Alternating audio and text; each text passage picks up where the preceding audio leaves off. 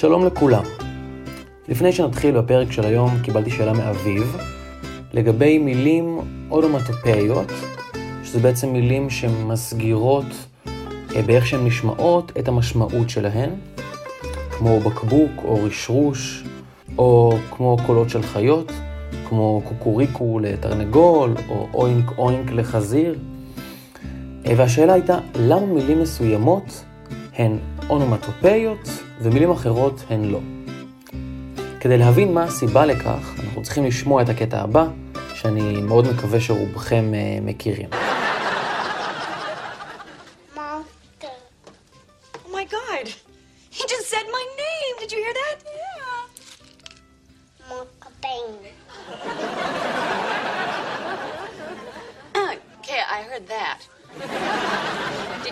Mocha bang. Okay, I heard that. Did he just say Monica Bang? Oh my god, he's gonna rat me out! Mocha bang. Sweetie, sweetie, you need to stop saying that now. That's no big deal. It's not even worth mentioning. You see, we all do it all the time. See, watch this. Ben, Ben,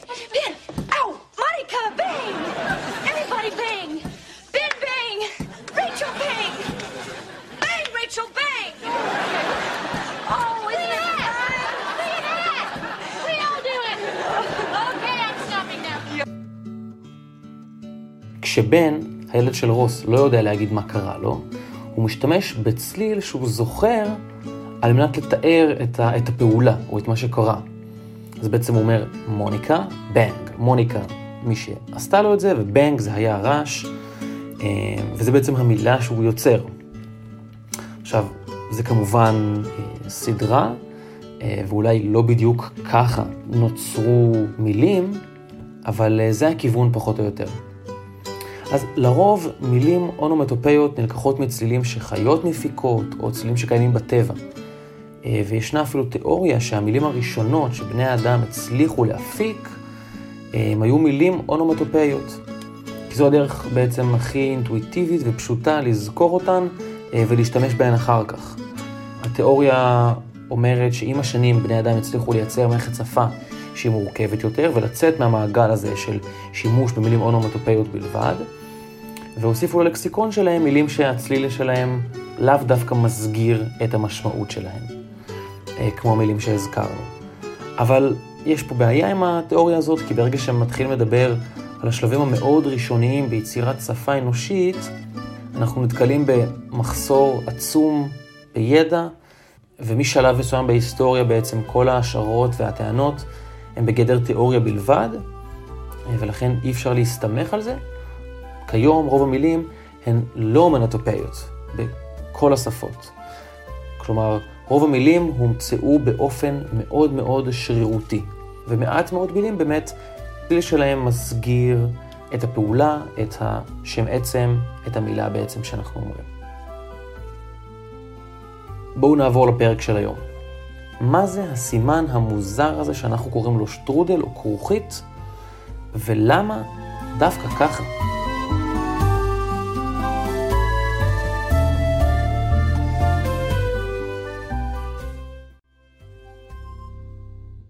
אז מה זה שטרודל? שטרודל הוא מאפה פשוט ולא מורכב. בצק שמכיל קמח, מים ומעט מאוד שמן, מילוי תפוחים בדרך כלל, פירורי לחם, צימוקים ואגוזים. הקאץ' הוא הבצק, שצריך להיות דק, דק, דק, דק, כמעט שקוף, אך מבלי להיקרע. טוב, זה לא השטרודל שאנחנו נדבר עליו היום, אנחנו נדבר על הסימן שטרודל ולא על המאפה. אז כדי לענות על השאלה למה דווקא שטרודל, צריך לחלק את התשובה לשתיים. אחד זה מקור הסימן, כפי שאנחנו מכירים אותו היום, ושתיים זה השימוש המגוון שלו במהלך השנים. אני אתחיל בכך שמקור הסימן לא ברור, וישנן כל מיני תיאוריות לגבי המקור שלו, ואנחנו ניגע בכמה מהן.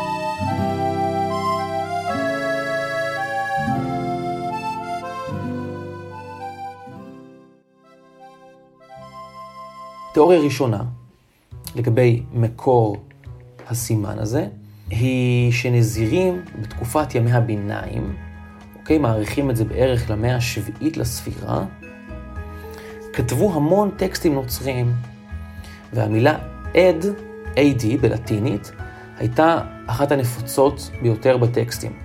ש-ad בלטינית add, המשמעות של זה היא משמעות מגוונת, זה או על, או ל, או לגבי, זה תלוי בהקשר של אותו משפט. אז מן הסתם אתם יכולים להבין למה היא הייתה בשימוש נפוץ כל כך. וכדי לחסוך מקום ודיו, הנזירים המציאו סימן, אה, שבסימן הזה תהיה האות A, כמו שאנחנו מכירים מהסימן שטרודל, או at באנגלית, ובכל פעם שהמילה add, ad, הופיע בלטינית, במקום המילה הזו, הם כתבו את הסימן שאנחנו מכנים אותו היום כשטרודל. אז זה מקור אחד. הסבר נוסף למקור הסימן הוא מהשפה הצרפתית. אה, יש לנו מילה בצרפתית, שזה בעצם האות A, שמלווה באפוסטרוף, שזה מעין צ'ופצ'יק קטן כזה מלמעלה, אה, שמשמעותה בכל או פר, כלומר אה, פר כמות מסוימת או פר מחיר מסוים. ועם הזמן, במקום להרים את היד מהדף ולכתוב את האות בשני חלקים, כלומר את האות A, ואז להרים את היד מהדף, ואז את הצ'ופצ'יק, הם כתבו את האות והסימון במחובר. ועם הזמן, הסימן הפך אה, מסוגנן יותר, עד למה שאנחנו מכירים כיום כשטרודל. אז זה האופציה השנייה למקור הסימן הזה. ההסבר השלישי שאני אתן כאן, הוא שמקורו של הסימן בוונציה, שסוחרים בוונציה רצו לקצר את המונח each at.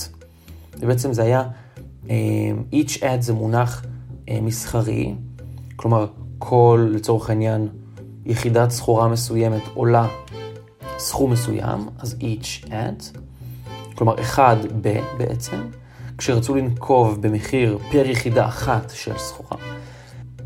וכדי לקצר כתבו A קטנה בתוך E קטנה, שבעצם ייצגו את ראשי התיבות של המונח, וזה בעצם הסימן של השטרודל, זה A קטנה, בתוך מעין E קטנה.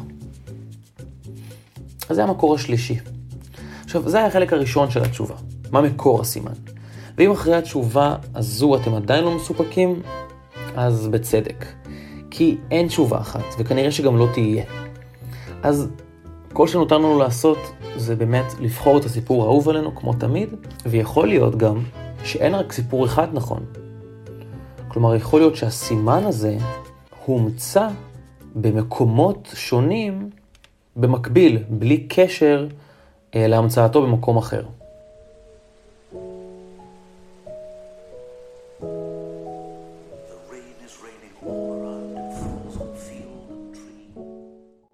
החלק השני של התשובה ייגע בשימוש של הסימן המוזר הזה, בסימן המוזר הזה.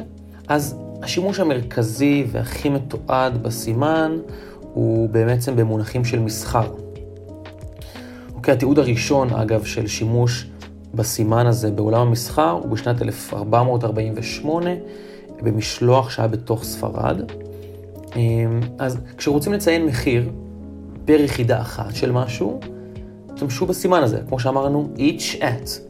לצורך העניין אני יכול לרשום שני תפוחים, שטרודל, עשרה שקלים. כלומר, כדי לקנות שני תפוחים, עליי לשלם 20 שקלים. כלומר, כל תפוח בעשרה שקלים. או ישנו שימוש נוסף, כשרוצים לציין יחידת משקל של 25 פאונדים. כך לצורך העניין דוברי הספרדית והפורטוגזית בעולם משתמשים במילה arroba או בפורטוגזית arroba, שמשמעותה רבע, אוקיי? כלומר, רבע מ-100 פאונד, 25 פאונדים, זו בעצם המילה שמציינת את יחידת המשקל הזאת, ובכל פעם שרצו לציין את יחידת המשקל הספציפית הזאת, השתמשו בסימן. במקום לרשום 25 פאונד, השתמשו בסימן של השטרודל שאנחנו מכירים אותו. אז למה arroba? מי מכם שיודע ספרדית ופורטוגזית יודע שהמילה arroba אה, לא משמעותה רבע. אה, וזה נכון, כי המילה בעצם הגיעה מהמילה הערבית, الربع. כמו בעברית רבע, الربع בערבית זה הרבע. ובעקבות אה, השליטתה של האימפריה המוסלמית בחצי האי האיברי, מה שספרד ופורטוגל היום, השפה הערבית השפיעה על השפות המקומיות, והמילה ארובה נכנסה אה, ונשארה עד היום כמילה שמציינת רבע. אז המילה ארובה מציינת גם יחידת משקל, 25 פאונדים, וגם את הסימן שטרודל שהשתמשו בו בשביל אה, ציון המשקל הזה. ואם כבר ספרדית, אז היום הסימן הזה משמש כייצוג של אות שתפקידה אה, ליצור שוויון בעצם בין נשים לגברים. בספרדית בדרך כלל מילה נקבית מסתיימת באות A, אוקיי? לצורך העניין המילה אמיגה, חברה, ומילה זכרית תסתיים באות O, למשל אמיגו, חבר. לכן סימן השטרודל שמורכב מ-A קטנה ומעין O גדולה שמקיפה אותה, יהיה הפתרון המושלם לשוויון בין המגדרים. לדוגמה, המילה אמיגוס, חבר ברבים, בדרך כלל מתייחסת לנשים וגברים כאחד, אך לרוב נבחרת המילה בצורתה הזכרית, עם O בסוף, אמיגוס ולא אמיגס. ולכן אם אני רושם אמיגוס, רק במקום ה-O אני רושם את השטרודל, זה בעצם גם אמיגוס וגם אמיגס. וזה שימוש היום במדינות דוברות ספרדית. אחד השימושים העתיקים ביותר בסימן היה בתרגום של כתבים יווניים דתיים בשנת 1345 מיוונית לבולגרית. ושם, בכל פעם שמופיעה המילה אמן, אמן, השתמשו בסימן השטרודל במקום האות A הגדולה בתחילת המילה אמן. לסיכום החלק הזה של התשובה, ישנם והיו גם שימושים רבים לסימן המוזר הזה. אך כיום הוא ידוע בעיקר כסמל המפריד בכלל בין שם המשתמש לבין השרת המארח בכתובת האימיילים.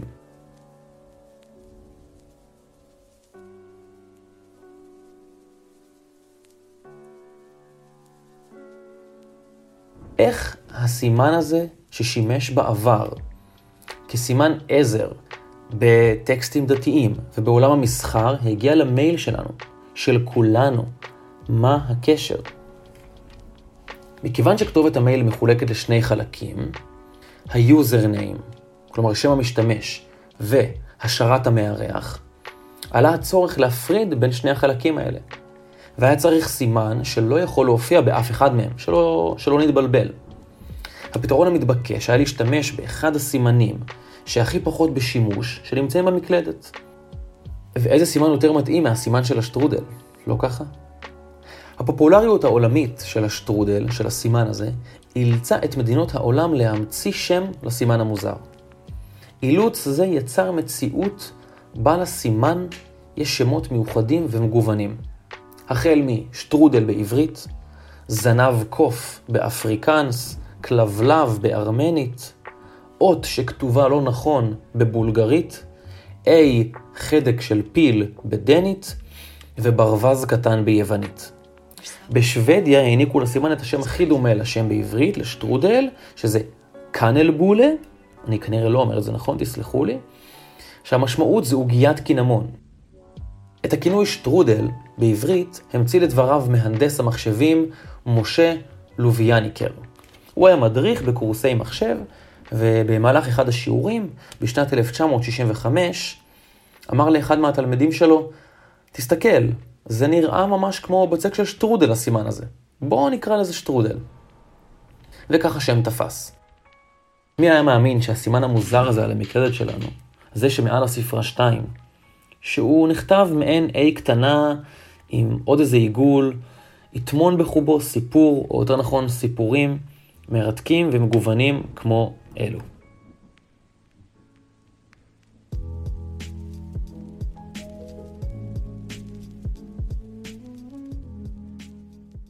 תוכלו למצוא את הפודקאסטים של למה דווקא ככה בדף הפייסבוק, למה דווקא ככה, בספוטיפיי ובערוצי הפודקאסטים של אפל.